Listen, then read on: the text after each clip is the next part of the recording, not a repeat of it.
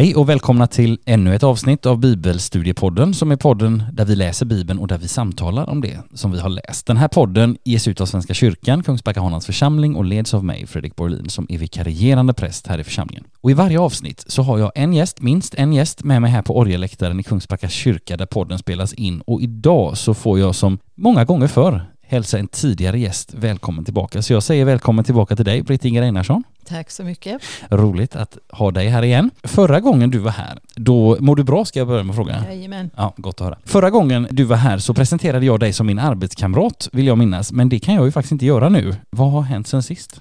Jag vet inte om man säger före detta arbetskamrat eller eh, pensionerad arbetskamrat, men båda är rätt. Ja, båda är rätt. Så eh, du, du är fortfarande en arbetskamrat, men en före detta. Och, eh, och mitt vikariat går ju snart ut här, så att då, är jag då är vi ju dubbel föredettingar så att säga, båda två. Men, men, men känns det bra, får jag fråga det? Det är bra. Ja. Jag har inte hunnit vänja mig, men det är väldigt skönt. Ja, ja men vad gott att höra. Långt sommarlov. Ja, väldigt långt sommarlov. Och, och sen kan man också tänka så här, pensionär eller inte pensionär, du ska känna dig varmt välkommen tillbaka hit. Tack. Och eh, varmt välkommen hit som sagt. Och varmt är det också idag när vi spelar in här den, ska vi se, det är den 13 juli idag och det är fruktansvärt varmt här i Kungsbacka. Så att dubbelt varmt välkommen i dubbel bemärkelse så att säga. Idag, kära lyssnare, så ska vi läsa och samtala oss igenom Apostlagärningarna kapitel 19. Alldeles strax så blir det några inledande ord om kapitlet sådär, ta upp tråden. Men dessförinnan så ska vi samla oss i bön förbereda oss för läsningen på bästa möjliga sätt. Så jag knäpper mina händer. Du som lyssnar är varmt välkommen att göra det tillsammans med mig och Britt-Inger. Låt oss be. Kära Herre, så ber vi dig nu att du öppnar ditt ord för våra hjärtan och våra hjärtan för ditt ord. Amen. Ja, dagens kapitel som alltså är Apostlagärningarna 19 hänger såklart ihop med allting annat i Apostlagärningarna på ett eller annat sätt. Det, det, det är ju en självklarhet i sig själv. Men så här är det också att dagens kapitel hänger faktiskt på ett särskilt sätt ihop med nästa kapitel. Jag ska strax förklara varför, men först bara några få ord om var vi befinner oss i Apostlagärningarna i stort och var vi befinner oss rent geografiskt. I slutet av förra kapitlet då fick vi följa med ut på den tredje missionsresan och denna, den tredje missionsresan, kommer vi att vara ute på ett tag nu i dagens avsnitt och kapitel, i nästa avsnitt och kapitel och en bit in i nästnästa avsnitt och kapitel. I förra avsnittet när vi begav oss ut på den här resan så sades några saker om den här resan, saker som vi inte behöver återupprepa nu. Men när dagens kapitel börjar så har Paulus kommit ner till Efesos som ligger längs västkusten av det som idag är Turkiet. Och vi ska nu säga någonting om det som vi redan har flaggat för, nämligen att det här kapitlet hänger ihop på ett särskilt sätt med nästa kapitel, alltså Apostlagärningarna 20. De här båda kapitlen hänger ihop på ett särskilt sätt och det är staden Efesos som står i centrum. För i hela dagens kapitel så befinner vi oss här, eller där, och i nästa kapitel så går resan i och för sig vidare, men Paulus sammanträffar ändå då i kapitel 20 med människor ifrån Efesos. Han träffar dem igen och han håller ett tal till dem. Så Apostlagärningarna 19 och Apostlagärningarna 20 hänger ihop på ett särskilt sätt. Men i dagens avsnitt så ska vi bara läsa och samtala om Apostlagärningarna 19 och det ska vi göra nu. Och dagens kapitel den består av två stycken avsnitt och det är Britt-Inger som kommer att läsa för oss idag mycket gott. Så vi gör så att vi lyssnar till det första avsnittet som i min bibel heter Paulus vistelse i Efesos. Och då frågar jag dig samtidigt Britt-Inger, är det bibel 2000 du läser ur? Ja. Ja, utmärkt. Ja, det hade gått bra med något annat också, men det är bara intressant för då har vi precis haft precis samma text framför oss i våra förberedelser. Det är bara gott att veta. Så vi lyssnar till när Britt-Inger läser avsnittet Paulus vistelse i Efesos. Medan Apollos var i Korint kom Paulus efter sin resa genom inlandet till Efesos. Där träffade han några lärjungar och frågade dem om de hade fått helig ande när de kom till tro. De svarade, vi har inte ens hört att det finns någon helig ande. Vilket dop blev ni då döpta med? frågade Paulus. Och de svarade, Johannesdopet. Paulus sa, Johannes dop var ett omvändelsedop och han uppmanade folket att tro på den som skulle komma efter honom, det vill säga Jesus. Då lät de döpa sig i Herren Jesu namn. Och när Paulus la sina händer på dem kom den heliga anden över dem och de talade med tungor och profeterade. Tillsammans var det väl tolv män. I synagogan talade Paulus under tre månader öppet och fritt och sökte övertyga dem om Guds rike. Men en del var oemottagliga och ville inte tro utan smädade vägen inför alla de närvarande. Då vände han dem ryggen och höll också sina lärjungar därifrån. Istället talade han dagligen i Tyrannos föreläsningssal. Detta pågick i två års tid så att alla i Asien, både judar och greker, fick höra ordet om Herren. Gud gjorde märkliga under genom Paulus. Man tog till och med dukar och plagg som hade varit i beröring med hans kropp och la dem på de sjuka och då blev de kvitt sina sjukdomar och de onda andarna lämnade dem. Några kringvandrande judiska andutdrivare tog sig också för att uttala Herren Jesu namn över sådana som hade onda andar. De sa, jag besvär er vid den Jesus som Paulus förkunnar. Så gjorde sju söner till en viss Skevas, en judisk överstepräst. Men den onda anden svarade dem, Jesus känner jag till och vem Paulus är vet jag, men vilka är ni? Och mannen som hade den onda anden i sig for på dem, övermannade dem alla och tilltygade dem så illa att de måste fly ut ur huset, nakna och blodiga. Detta blev känt i hela Efesos bland både judar och greker och alla greps av fruktan och Herren Jesu namn blev ärat. Många som hade blivit troende kom och bekände öppet vad de hade ägnat sig åt och åtskilliga av dem som bedrivit trolldom samlade ihop sina böcker och brände dem offentligt. Man beräknade deras värde och kom fram till 50 000 silverdrachmer. Så fick ordet genom Herrens kraft ökad framgång och styrka. Stort tack Brittinger. Jag ska alldeles strax eh, låta dig få gå lös på ditt frågebatteri här och funderingsbatteri. Men jag tänkte jag ska bara inledningsvis säga, säga någonting om, om lite grann om det här avsnittet i stort. För inledningsvis så ser vi att det i den allra första kyrkan verkar ha funnits olika uppfattningar och föreställningar om dopet. Vi hör här allra först i dagens kapitel om hur Paulus stöter på några lärjungar som bara döpts med Johannesdopet. Men det var ett omvändelsedop, precis som Paulus också själv förklarar, något annat än det dop som Jesus befaller i sin missionsbefallning i Matteus 28. En befallning som ju faktiskt hela apostlagärningarna är ett svar på. Det har vi varit inne på innan. Paulus förklarar kortfattat för oss i, i vers 4 så här, Johannes dop var ett omvändelsedop och han uppmanade folket att tro på den som skulle komma efter honom, Jesus. Sedan blir det dop, men vad det verkar här i texten så kommer anden först i och med Paulus handpåläggning. Och det är intressant. På andra ställen i apostlärningarna har anden kommit vid just dopet. Det här säger till exempelvis Petrus eh, efter sin pingstpredikan i apostlärningarna 2. Då läser vi så här mot slutet av det kapitlet. Orden träffade dem i hjärtat och de frågade Petrus och de andra apostlarna bröder vad ska vi göra? Petrus svarade omvänd er, låt er alla döpas i Jesu Kristi namn så att ni får förlåtelse för era synder. Då får ni den helige ande som gåva. Men när Petrus några kapitel senare istället är i Cornelius hus, då är vi i Apostlagärningarna 10, då läser vi så här. Medan Petrus ännu talade föll den helige ande över alla som hörde hans ord. De omvända judar som hade följt med Petrus häpnade över att den helige andes gåva blev utgjuten också över hedningarna.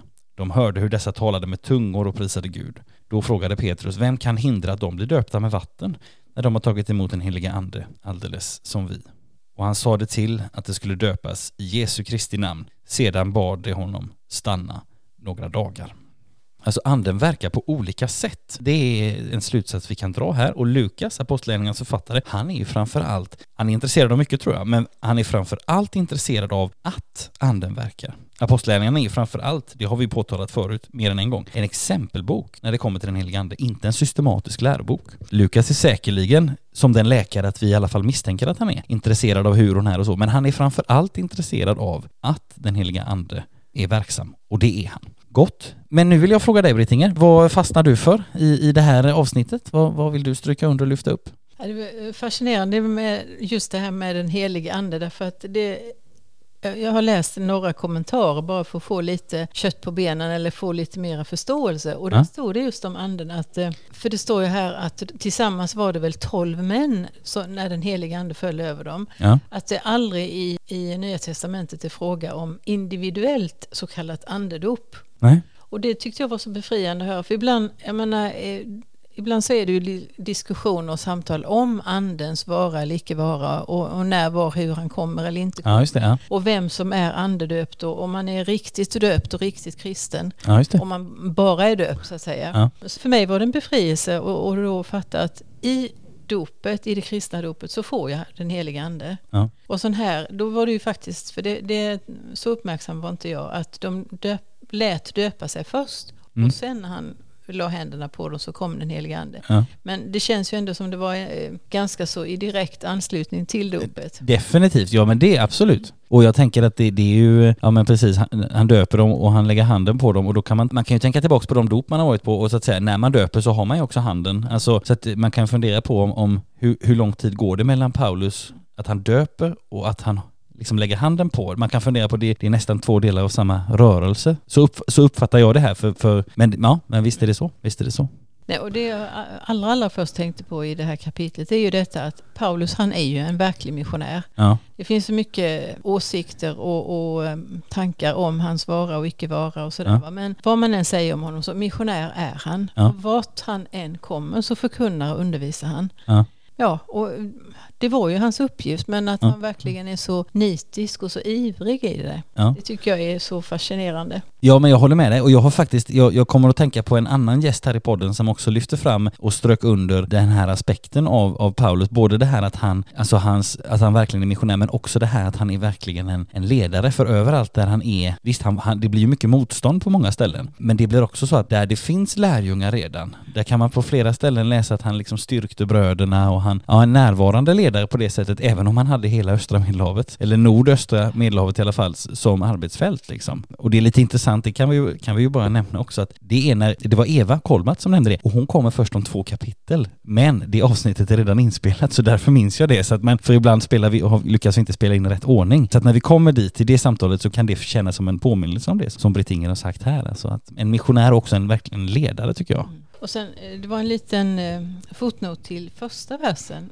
Medan Apollos var i Ko- Korint kom Paulus efter sin resa genom inlandet till Efesos. Ja. Och så stod det då att i en läsart så har det stått då Paulus enligt sin plan ville resa till Jerusalem sa den helige ande till honom att återvända till Asien. Ja, Och det var ett annat tillfälle när det var likadant. Tycker det var lite spännande också med tanke på mm, anden som kom, det kommer mer om sen. mm.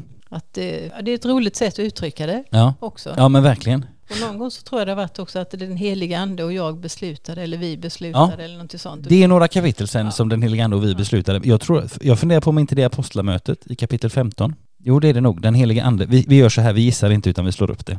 Ja, precis. Apostlagärningarna 15.28. Den heliga Ande och vi har beslutat att inte lägga någon börda på er utöver följande oeftergivliga krav, att ni avhåller er från kött och så vidare. Så precis. Och det är ju intressant det här som du tar upp med läsarter, för vad är då det? Kanske någon undrar. Ja, alltså på den här långa vägen som vi har nämnt någonting om tidigare, från att så att säga de här böckerna i Nya Testamentet, till exempel apostlärningarna, sätts på pränt till att de blir till exempel Bibel 2000 så är det ju många led, inte minst under antiken, senantik och, och medeltid, där det liksom kopieras. Och de här kopiatorerna som finns under medeltiden är inte riktigt lika exakta som vår kopiator här i Kungsbacka kyrka, utan det består av munkar i kloster. Munkar i kloster som ibland är lite mer kreativa än vad våra kopieringsapparater, tack och lov, är. Så att säga. Och det gör att det ibland har smugit sig in lite tolkning. Man har kanske, som i ett sammanhang sagt att eh, den heliga ande har ingivit honom detta, när vi egentligen inte har det från början, fastän kanske den personen som har läst och kopierat har känt starkt att nej, men det, det måste ju vara den heliga ande. Alltså det, så, va? En annan inte ovanlig sak är att en munk har suttit och kanske kopierat Matteusevangeliet ett antal gånger och sen ska kopiera Markusevangeliet. Och sen upptäcker han att när Markus och Matteus berättar om samma sak så använder Markus lite andra ord. Och då tänker han, men vänta nu, Matteus skriver så här, ah, jag ändrar så det, så det blir samma. Och ibland läggs faktiskt hela verser till och det är det här som gör att till exempel, skulle man ha Karl XIIs bibel framför sig, så finns där några verser som inte finns i Bibel 2000. Alltså man har plockat bort och sagt att nej men de här finns inte i de allra, allra äldsta handskrifterna som vi har tillgång till och därför så, så, så har vi inte med dem heller. Och det kan man se, vi har stött på det någon gång här i Apostlagärningarna, att, att liksom mellan vers 3 och 5 så finns ingen vers 4. Liksom. Och jag skulle säga att det, det, är ett, det är ett ganska pilligt arbete kan jag tänka mig, att sitta med sådana här gamla manuskript. Men det finns ju människor med, med, med en bredd av intressen och uppenbarligen även människor som tycker sånt är spännande. Men det kan vara intressant just det här med uttrycket läsart, att då handlar det om att olika källor, olika manuskript har lite olika ordalydelse. Gott, vad vill du mer lyfta fram Britt-Inger? Jo, eh, vers 8. Ja, Paulus han gick som vanligt till synagogan. ja, Det här med goda vanor och eh, att vanorna de kan bevara mig. Ja. Även om man ibland kan tycka att ja, man måste väl inte alltid göra likadant och sådär. Men det är en god vana som han har och att han då undervisar. Och sen tycker jag det är spännande det här att hans reaktion när en del inte ville lyssna. Dels att de var omottagliga Mm. och en del som smädade vägen inför alla de närvarande som det står. Och då satte han liksom inte igång med övertalningskampanj och Nej. överbevisning utan då vände han om ryggen och höll också sina lärjungar därifrån. Ja, Lite modigt tycker jag att det är. ja men det får man Det vet säga. jag inte om jag själv skulle vågat göra utan jag hade nog hållit på att gneta ett tag till. Ja. Men han hittade ju då istället en annan sal. Ja, Där han kunde Tyrannos föreläsningssal. Ja. Ja, och jag tänker det är så intressant för att på åtminstone två ställen på vår apostlagärningarna vandring så här långt så har Paulus sagt nu går jag till hedningarna. Alltså han säger det, jag tror det är kapitel 13, då får han en del motstånd. Jag tror att det är på Cypern, men jag ska inte svära på det. Då säger han ju, nu går jag till hedningarna. Och sen så fortsätter han att gå till synagogor och sådana sammanhang, ganska mycket. Sen i kapitel 18, alltså i förra avsnittet, så säger han ju det igen. Nu, och, och då är det lite som att han slår näven i bordet och säger nu går jag verkligen till himlen. Men sin vana trogen går han ändå till synagogan. Men att det, det är precis som vi har sagt många gånger här, alltså att apostlagärningarna handlar ju om ringarna på vattnet, hur, hur liksom fler och fler liksom kommer inom evangeliets hörhåll. Samtidigt så, så bryter ju Paulus aldrig helt med sitt gamla sammanhang, med, med liksom stammen, judendomen, som där, och som han själv kan skriva långt senare, att, eller ganska långt senare, att vi får vara en inympad kvist på det trädet. Alltså så att det är inte, det är inte fråga om att bryta, men man märker ändå att han vänder sig ändå liksom, han vänder sig inte bort, utan han vänder sig ut skulle jag säga. Men visst, en god vana, och modigt, verkligen. Och, och ehm, jag menar, han ger sig inte i första taget heller, står det att, att det pågick i två års tid. Ja. Så att alla fick höra ordet om Herren. Och sen var det en liten fotnot till som jag tyckte var Ja. spännande. Och det var, där stod det också om en västlig läsart. Och det var Ja. det att Paulus brukade tala från den femte till den tionde timmen. Mm. Alltså från 11 till 16. Mm. Och jag vet inte om man hade siesta hela tiden, men en stor del av det hade man ju siesta, vilket Ja. innebar att alla skulle kunna komma ifrån och lyssna om man nu ville. Just Det det, var liksom inte bara för dem som, för vissa utvalda, utan möjligheten fanns för alla. just det. Och det, alltså, det var ju en rejäl bibelskola, två år Ja. stannade han där. Fem timmar, är det fem timmar om dagen? Ja, om det nu stämmer med det. Vill du läsa själva versen en gång till så ska vi bara se vad det står? Nu ska vi se, för det, det var i den eh, fotnoten som det stod. Ja, men vad står det i själva, i själva texten? Istället talar där ska se. Detta pågick i två års tid så att alla i Asien, både judar och greker, fick höra ordet om Herren. Ja. Och står det att han läste på sabbaten eller står det att han läste daglig? Nej. Nej, och i den här fotnoten så står det då att Paulus brukade tala från den femte till den tionde timmen. Men det står Ja. ingenting om sabbaten, så det vet man inte. Nej. Men vi kan i alla fall utgå ifrån att det var ganska långa sittningar och det var två års tid, det var ganska gediget med andra ord. Och då kan man ju fundera på vad är då en västlig läsart? För det, det kunde ju rendera, och då, då vill jag säga att nu börjar jag röra mig lite i, i utkanten av mitt kunskapsfält här. Men jag kan säga så här, man pratar ibland om västlig läsart och östlig läsart och det beror helt enkelt på att de västliga läsarterna, det, de har liksom uppstått och f- traderats vidare i väst. Alltså man kan tänka då, ja det som vi kallar för Västeuropa. Medan en östlig läsart skulle ju vara då österut. Alltså, och nu säger jag detta men, men nu får ni ta detta med en nypa salt, men jag tänker Grekland och österut. Gissningsvis. Men, men, och då kan man alltså se att här har en läsart uppstått på ett ställe och liksom varit mer åt i, i det som sen kommer att kallas öst, eh, och som idag kallas östkyrkan liksom och så vidare. Så att, så att eh, sådana läsarter kan ha lite geografisk, vara geografiskt betingade. Sen kan man också säga så här, det, det bör man vara säker på, eller det bör man eh, liksom stryka under att de här ställena där det finns sådana här läsarter är liksom inte ställen där, där liksom uppståndelsen eh, relativiseras eller där Jesus inte längre är Guds son eller alltså förstå, utan, utan det handlar om ändå, alltså det kan handla om sådana här små saker som hur länge undervisade Paulus i synagogan i Efesos liksom. Så att det är inte, man, om man är på jakt efter läsarter med där liksom hela den kristna tron kommer över ända, då hittar man ingenting liksom. Så det kan vara bara klart att säga om någon blir lite nervös och vad är detta nu? Liksom. Så att det ska man få förklara med. Mer som lite små intressanta detaljer. Ja, men mer kuriosa än kanske, än kanske liksom trons fundament, om vi säger så. Gott. Vad- Något mer som du tänker på? Sen kom jag vidare på slutet utav det stycket, alltså med de här andeutdrivarna. Ja, Eh, Att till och med den onda anden känner skillnad. Jag menar, Jesus känner jag till och vem Paulus är vet jag, men vilka är ni? Alltså de som Ja. försökte liksom profitera på eh, andutdrivning eller på, de under som Paulus gjorde. Ja. Och när han hänvisar till Jesus. Det är lite intressant alltså att de onda makterna de känner skillnad. Ja, ja, ja, det är intressant. Och jag tänker det, det fick vi lära oss om man nu tänker tillbaka en bra bit när vi var i Markus evangeliet här och, och det går inte många kapitel i Markus. Jag tror till och med det redan i kapitel två så står det så här att de onda andarna visste vem han var. Alltså Jesus han, han, han är känd så att säga och uppenbarligen när vi kommer hit nu så vet de även vem Paulus är. Och det handlar inte om att Paulus går i sin egen kraft utan att utan att han så att säga har fått en, ja, men en smörjelse och ett ansvar. Men det är helt och hållet Jesu kraft liksom och andens kraft. Men de här personerna verkar liksom vilja, vad ska vi säga, de verkar vilja börja övningsköra bil innan de kan ett endaste vägmärke. Eh, vilket blir farligt i överförd bemärkelse. Nej men jag, jag skulle, man skulle kunna se på det så att här är några som, och det har vi sett innan i Apostlagärningarna, människor som bländas av och vill utöva andlig makt ut, utan att ha lärt känna den maktens källa. Vi kan tänka på den här magiken Simon i, jag tror det är kapitel, nu ska vi se här, om det inte är i kapitel 8 med en liten brasklapp, att det kan vara någon annanstans. Han vill ju köpa den heliga ande. När han ser vad den heliga ande kan göra, då vill han betala för den. Det vill säga, han, han är mer intresserad av att utöva andlig, eller kanske snarast religiös makt, hellre än att bli ett, så att säga, ett verktyg i Jesu händer. Och det är ju, det är skadligt och det kan också vara farligt. Mm. Något annat här som du tänker Sen på? slutet på, på det stycket. Ja, För de blev alltså många blev ju överbevisade och många kom till tro och, och bekände då vad de hade ägnat sig åt.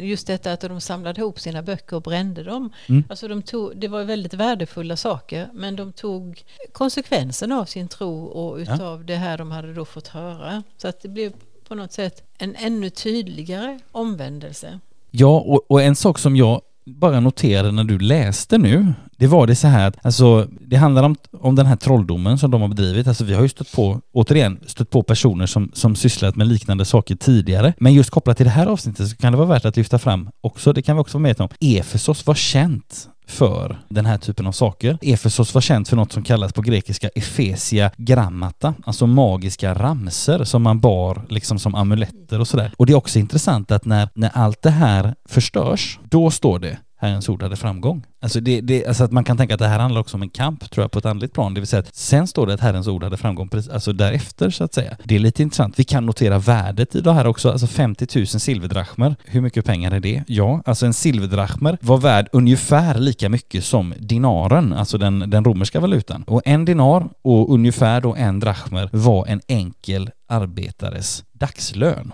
Alltså vi pratar 50 000 dagslöner det vill säga böckerna motsvarade ungefär 150 årslöner för en, ja, men en enkel arbetare, men ändå 150 årslöner. Mer än vad en, människa kunde, en vanlig människa kunde arbeta ihop under hela sin livstid alltså. Förmodligen under två livstider. Och det, jag tycker att det är lite intressant det här, att, att eh, de verkar på något sätt kopplas ihop där med att det, det ena, alltså människor lämnar det och gör det precis som du säger Brittingen, de, de, det kostar på också. De, de säljer inte det och, utan de verkligen, ja de bränner det, låter förstöra det. Men det kopplas också till att, att Guds ord har framgång. Ja det är lite intressant. Ja, för jag fastnade för den sista versen också just med att Guds ord fick fram, ökad framgång och styrka. Och så tänker jag på hur, hur det är idag. Hur mycket upplever vi av rent konkret av att eh, Guds ord ger ökad, eller att ordet får ökad framgång och styrka? Eller beror det på att vi försöker liksom ha lite utav båda världarna eller utav det gamla och det nya? Och så blir det inte så mycket kraft av det. Ja, och jag tänker att då kan, nej men precis, och då tänker jag att ett bibelord som det här kan hjälpa oss att se att vi kanske behöver, vi har kanske inte så jättemånga Efesia grammata runt halsen och så många trolldomsböcker hemma. Men vad är det som hindrar Guds kraft i, i vår tid och i vårt samhälle liksom? För det, det och den, den frågan skulle man ställa sig, tänker jag. Absolut. Jag tänker några, några saker till bara innan vi, ska, innan vi ska gå vidare. Här, alltså vägen, det uttrycket stöter vi på i, i vers 9, det vill säga samtidens namn på den urkristna församlingen och deras egentligen både lära och liv kan man säga. Vi har stött på det här namnet innan, vi kommer stöta på det igen, men vi bara noterar det. Det här som Brittinge lyfter fram, under två års tid så undervisade Paulus i Tyrannos föreläsningssal. Det här är före mitten, det här är lite oprecist datum, men före mitten av 50-talet efter Kristus, det vill säga åren 52, 53, 54 där någonstans. Då skrev han också första Korintierbrevet. Och det menar man då, de som verkligen har djupkollat på detta och försökt reda ut saker och ting, bibelforskare, att då under den här tiden så skrevs första Korintierbrevet. Det har vi påmint oss om någon gång innan också tror jag, att apostlagärningarnas tid är också brevskrivandets tid. Så att det, det, det påminner vi oss om. Vi kan tänka på det som vi också hörde i vers 9 om några som inte ville tro. Det har varit för några kapitel sedan, jag minns inte kapitel eller vers nu, men då har Paulus också samlat människor och talat till dem och människor har kommit till tro. Och sen så finns det också, men alla har inte gjort det och då, då skriver Lukas så här att alla som var bestämda till evigt liv. Och jag vet att vi stannade upp lite inför den formuleringen då. Här är det intressant att här kan Lukas tala om tron som en viljehandling, det vill säga någonting jag vill själv. Jag, jag vill komma fram till detta, jag vill tro på det här löftet som jag får höra om. Så det, det, det, är lite intressant att vi, för jag vet vi noterade det vid det tillfället det här att, men vänta nu, bestämda, är, är det så? Och vi, och vi talade om det då. Och här, redan här så kan vi se, ja men också Lukas talar om tro som en viljehandling. Så det är gott att bara få den påminnelsen. Sen hörde vi i vers 14 eh, Brittingen läsa om en viss Skevas, en judisk överstepräst, och då kan vi notera så här, ingen sådan överstepräst är känd. Troligen användes ordet överstepräst här i en vidare bemärkelse. Kanske var det någon lokal ledande präst eller någon av ledarna i, för templets 24 prästavdelningar. Alltså templet i Jerusalem hade ju prästavdelningar som tjänstgjorde vid olika tider. Vi kan till exempel tänka på Johannes döparens pappa, Sakarias. Han var ju präst i, tror jag, Avias avdelning. Och det läser vi om, om man börjar i kapitel 1 och läser några verser där, så talas det om att Sakarias var präst i en avdelning. Det kan ha varit, den här Skevas kan ha varit en sådan präst men han var alltså inte överstepräst. Men för att gå vidare, den sista versen i det avsnitt som vi nyss hörde Brittinge läsa lyder ju så här. Så fick ordet genom Herrens kraft ökad framgång och styrka. Så det blir framgång, men, och det här är intressant, det här tror jag vi börjar bli ganska vana vid nu när vi läser apostlärningarna. Efter framgång blir det ofta motstånd i apostlärningarna. Och så blir det även nu, för nu ska vi läsa om upploppet i Efesos. Så vi lyssnar till när Brittinge läser. Efter alla dessa händelser bestämde sig Paulus för att över Makedonien och Akaja fara till Jerusalem. Och sedan jag varit där måste jag också besöka Rom, sa han. Emellertid sände han två av sina medhjälpare, Timoteus och Erastos, till Makedonien och stannade själv kvar en tid i Asien. Men just vid den tiden blev det ett allvarligt upplopp med anledning av vägen. En silversmed som hette Demetrios tillverkade Artemis tempel av silver och skaffade därmed hantverkarna avsevärda inkomster. Nu kallade han samman dem och andra som hade samma slags sysselsättning och sa Ni vet att vi har den här verksamheten att tacka för vårt välstånd. Men nu både ser och hör ni att den där Paulus har fått en mängd människor att ändra sig. Inte bara här i Efesos utan i nästan hela Asien när han säger att gudar som vi gör med våra händer inte är några gudar. Det är inte bara vårt hantverk som riskerar att få dåligt rykte. Vi kan också befara att vår höga gudinna Artemis tempel mister sitt anseende och att hon själv blir berövad sin storhet, hon som hela Asien, ja hela världen dyrkar. Vid dessa ord blev de ursinniga och började ropa Stor är den efesiska Artemis. Hela stan råkade i uppror och från alla håll rusade folk till teatern och man släpade med sig Gaius och Aristarkos, två makedonier som var reskamrater till Paulus. Paulus ville då gå in och tala till folket men hindrades av lärjungarna. Några i provinsrådet som var hans vänner skickade också bud till honom att inte visa sig i teatern. Där ropade alla i munnen på varandra. Mötet var förvirrat och de flesta visste inte varför de hade kommit dit. Men några ur hopen satte Alexandros in i saken när judarna skickade fram honom. Han ville hålla ett försvarstal och gav tecken till tystnad. Men när man upptäckte att han var jude började alla på en gång ropa Stor är den efesiska Artemis och höll på så i ett par timmar. Stadens sekreterare fick folkmassan att lugna sig och sa Efesia, Finns det någon människa som inte vet att staden Efesos vårdar den höga Artemis tempel och stenen från himlen? Ingen har förnekat detta och därför ska ni hålla er lugna och inte göra något överilat. Männen som ni har fört hit har varken skändat vårt tempel eller hädat vår gudinna. Om Demetrios och hans hantverkare vill föra talan mot någon så finns det en domstol som sammanträder och det finns ståthållare. Där kan folk anklaga varandra. Men är det något mer ni yrkar på får det avgöras av den lagliga folkförsamlingen. Efter vad som har hänt här idag riskerar vi att anklagas för uppror eftersom vi inte har något att anföra till försvar för denna oordnade sammankomst. Med de orden fick han mötet att skingras. Tack så mycket Brittinger. Ja, det blir alltså upplopp. Och vi kan fundera över på vad som är hönan och vad som är ägget här. För det är ju så att säga en religiös verksamhet som blir hotad i och med Paulus förkunnelse, men det är på samma gång läser vi också om ansenliga inkomster som riskerar att gå förlorade för Demetrios och hantverkarna. Så vad ligger dem varmast om hjärtat? Det kan vi fundera över. Om vi, om vi stannar upp vid vers 27 så tror jag att vi märker att svaret faktiskt inte är alldeles glasklart. Vi kan bara... Vill du läsa vers 27 en gång till där bara, Brittinger?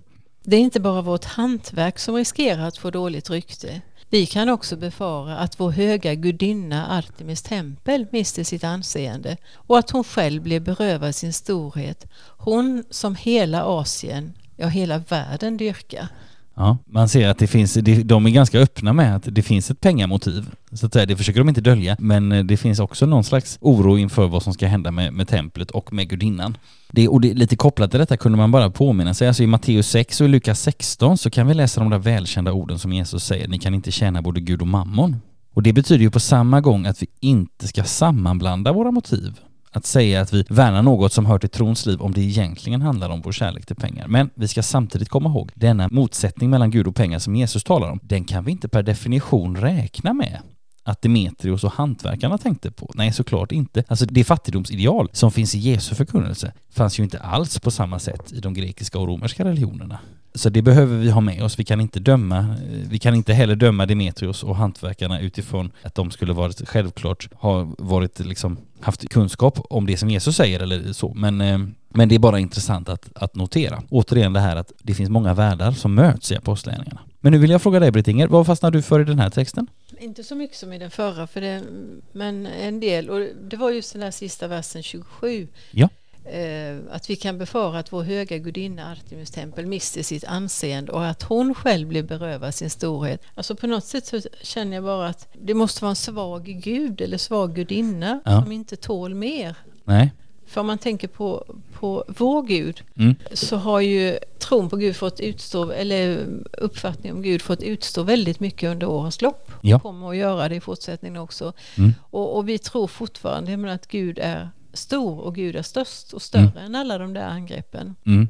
Så det tyckte jag var lite intressant med, med deras rädsla då för att hon skulle bli berövad sin storhet. Ja, och ja men precis. Och jag tänker att det här handlar också, det här får vi också en liten inblick i, så att säga, den lokala kulten i Efesos, det vill säga alltså Fadern, Sonen och Anden, alltså den kristna guden, det tillkommer oss att liksom upphöja honom och ära honom och, och, så vidare. Men han blir ju inte mindre av att vi inte gör det. Så som man tänker att de tänker här kring den efesiska Artemis. Sen är det gott att göra det som tillkommer oss liksom. Att vi också är skapade till att sjunga, att lovsjunga och att ära och prisa och tacka och så vidare. Men här ser vi att här är det en, en gudom av ett lite annat slag. Alltså det verkar snarast vara så att det, eh, det är de med sina böner som ska göra Artemis stor eller som ska göra att hon förblir stor. Liksom. Och så, det är ju inte så att säga någon, någon sån sån tanke om att, så att säga, det är en kristens uppgift, att det skulle vara en kristens uppgift att, så att säga, upphöja Gud så att Gud ska bli upphöjd. Nej, han är upphöjd, evig och allsmäktig, alldeles oberoende av det. Men det är gott om vi kommer i kontakt med den verkligheten också för vår egen skull.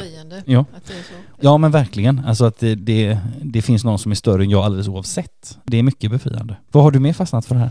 Sen var det nästa stycke eh, som jag tycker är lite komiskt nästan. Vers 32. Just det. Ropade alla i munnen på varandra. Mötet var förvirrat och de flesta visste inte varför de hade kommit dit. Mm. Alltså så lätt det, det blir sån här masspsykos och ja, man ropar därför att de andra ropar och tror att det, det är säkert rätt och bra. Ja, jag, minns, jag, jag, jag lägger särskilt märke till den här formuleringen att möt, många ropade i mun på varandra, mötet var förvirrat och många visste inte ens varför de hade kommit dit. Det var någon som sa en gång att ja, jag brukar tänka på 1932 när jag tänker på den här kyrkans ungdomsgruppen som jag leder. Jag tyckte det var, det var lite roligt i alla fall att det, det kunde vi komma hitta en tillämpning på den också. Och det tänker jag, det skulle ju kunna vara en, det skulle kunna vara en vers som beskriver också sammanhang idag liksom, att ibland vet folk inte varför de är där men det piskas upp en stämning och människor är också flockdjur på det sättet att man låter sig också ledas i sammanhang ibland utan att egentligen reflektera över det. Och sen kommer då stadens sekreterare och det är så befriande med honom då att han reder liksom ut alla begreppen och försöker få dem att förstå vad det är de gör och, och vad som händer om de gör si eller så och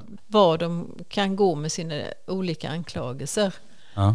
Och sen då slutklämmen att efter vad som har hänt här idag riskerar vi att anklagas för uppror eftersom mm. vi inte har något att eh, säga till vårt försvar för denna oordnade sammankomst. Jag tycker det är en sån underbar slutkläm. Ja, han, han är, där har vi verkligen någon som, som, nästan lite, vad ska vi säga, någon, eh, en nykter röst i sammanhanget på något sätt att hallå, tänk nu på detta liksom. Ja, jag håller med dig. Det är lite skönt att han dyker upp där. Och då hade de ju hållit på i två timmar. Ja. Ett par timmar. Ja, ja men precis.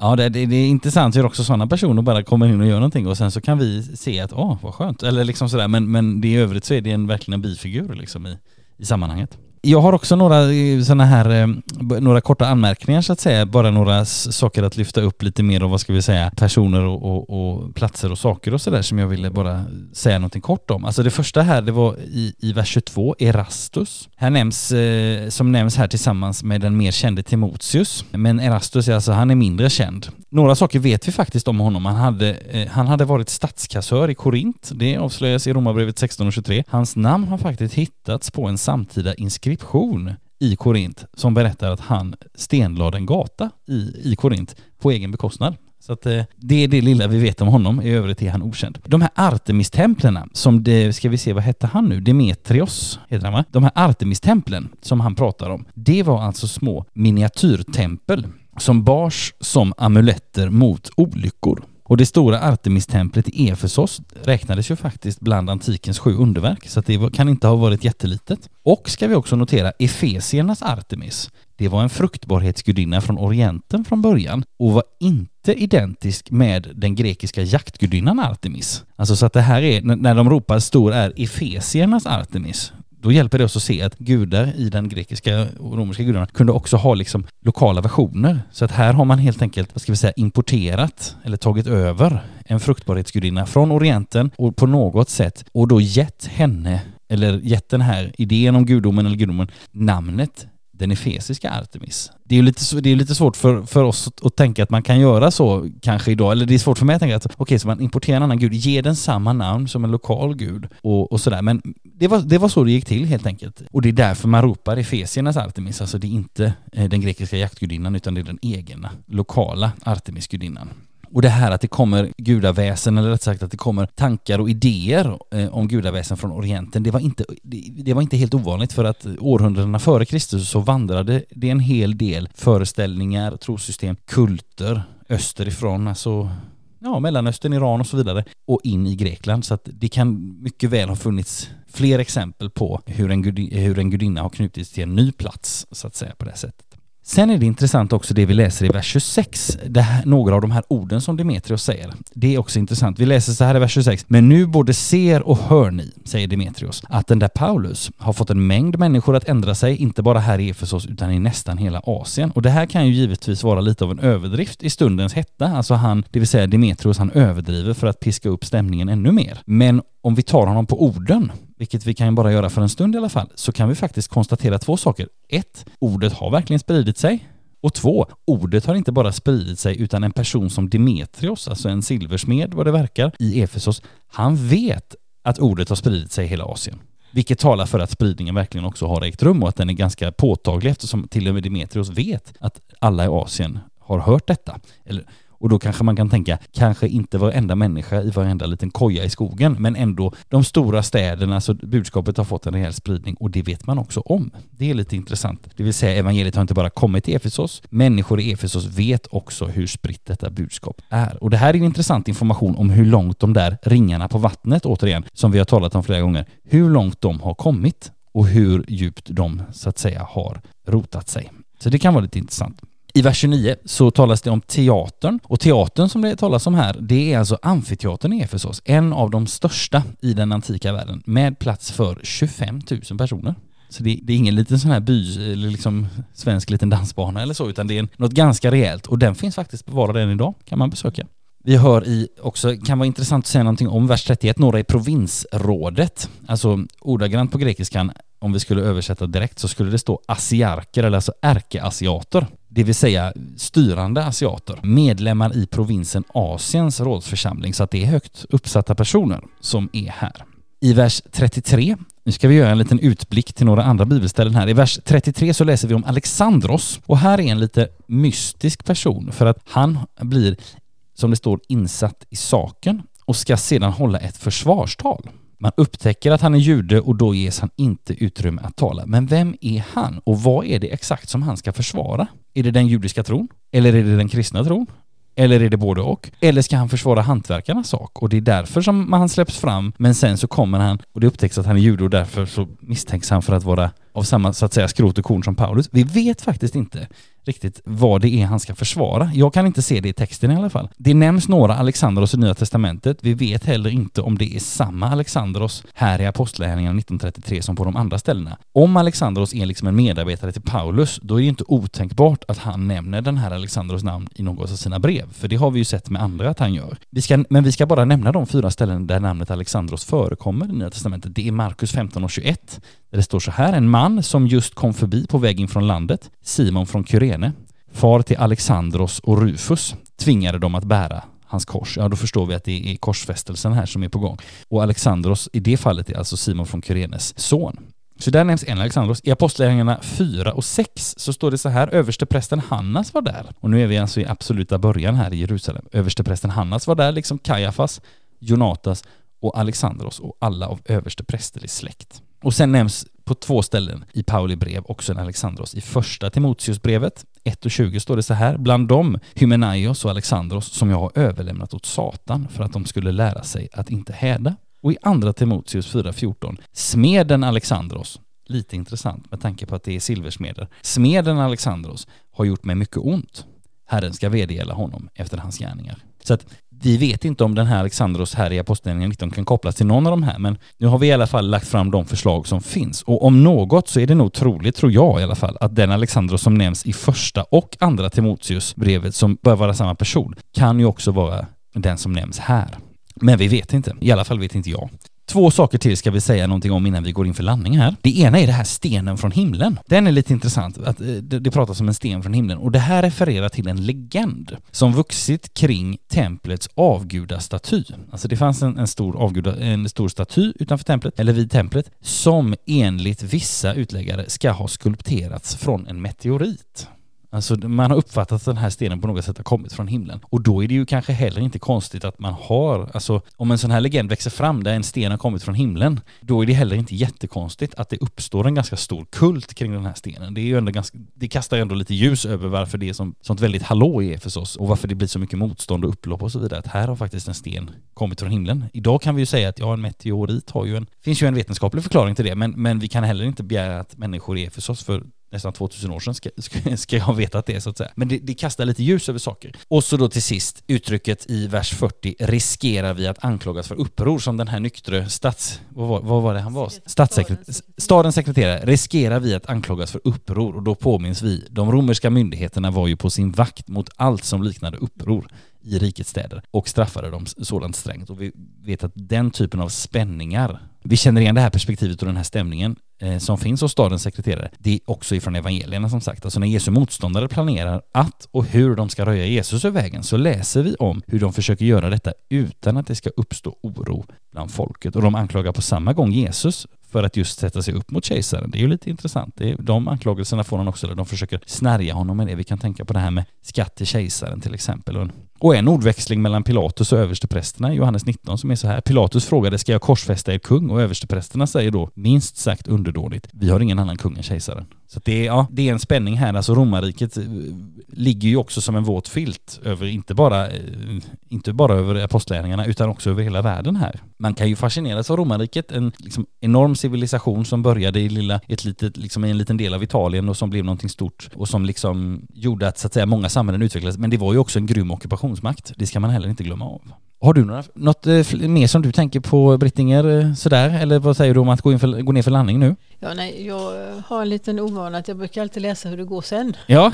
När jag bara ser starten på nästa kapitel och det är ju rätt skönt. Ja. När oron hade lagt sig kallade Paulus till sig lärjungarna och intalade dem med ord. Det är Ja. klart att det måste ju ha varit oroväckande för väldigt många Ja. med det här upploppet och, och eh, säkert var de tacksamma också att Paulus var där så att han kunde få hjälpa dem och stötta dem. Ja, och det var ju gott att få första, få första versen på, på det kommande kapitlet här. Att, att, ja men precis, eller vi, vi, det, ja, precis det blir en positiv cliffhanger, det får vi säga. Alltså för att sammanfatta det här kapitlet som vi har läst idag med tre korta meningar så skulle man kunna säga så här. 1. Vi har hållit oss i Efesos. 2. Det har varit framgång. Och 3. Det har varit motstånd och upplopp. Och sen kan vi då lägga till 4. Men det, det kommer att lugna ner sig eh, alldeles, alldeles snart. Men det blir det nästa kapitel. Och då går resan vidare, men Efesos finns ändå kvar på något sätt. Paulus kommer att kalla till sig de äldste i Efesos och hålla ett tal till dem. Men det är först i nästa kapitel. Och dagens kapitel däremot, det är slut. Och det här avsnittet av Bibelstudiepodden börjar därför också gå mot sitt slut. Jag vill säga så här till dig Brittinger, stort tack för att du kunde tänka dig att komma tillbaka. Tack själv. Mycket roligt att ha dig här. Tack. Och så vill vi säga till, till dig som har lyssnat också, hoppas att du har funnit någonting i våran läsning och i vårat samtal som har varit för dig. Tills vi hörs nästa gång så önskar både jag och Brittinger dig som har lyssnat allt gott och Guds rika välsignelse. Hej då! Hej då!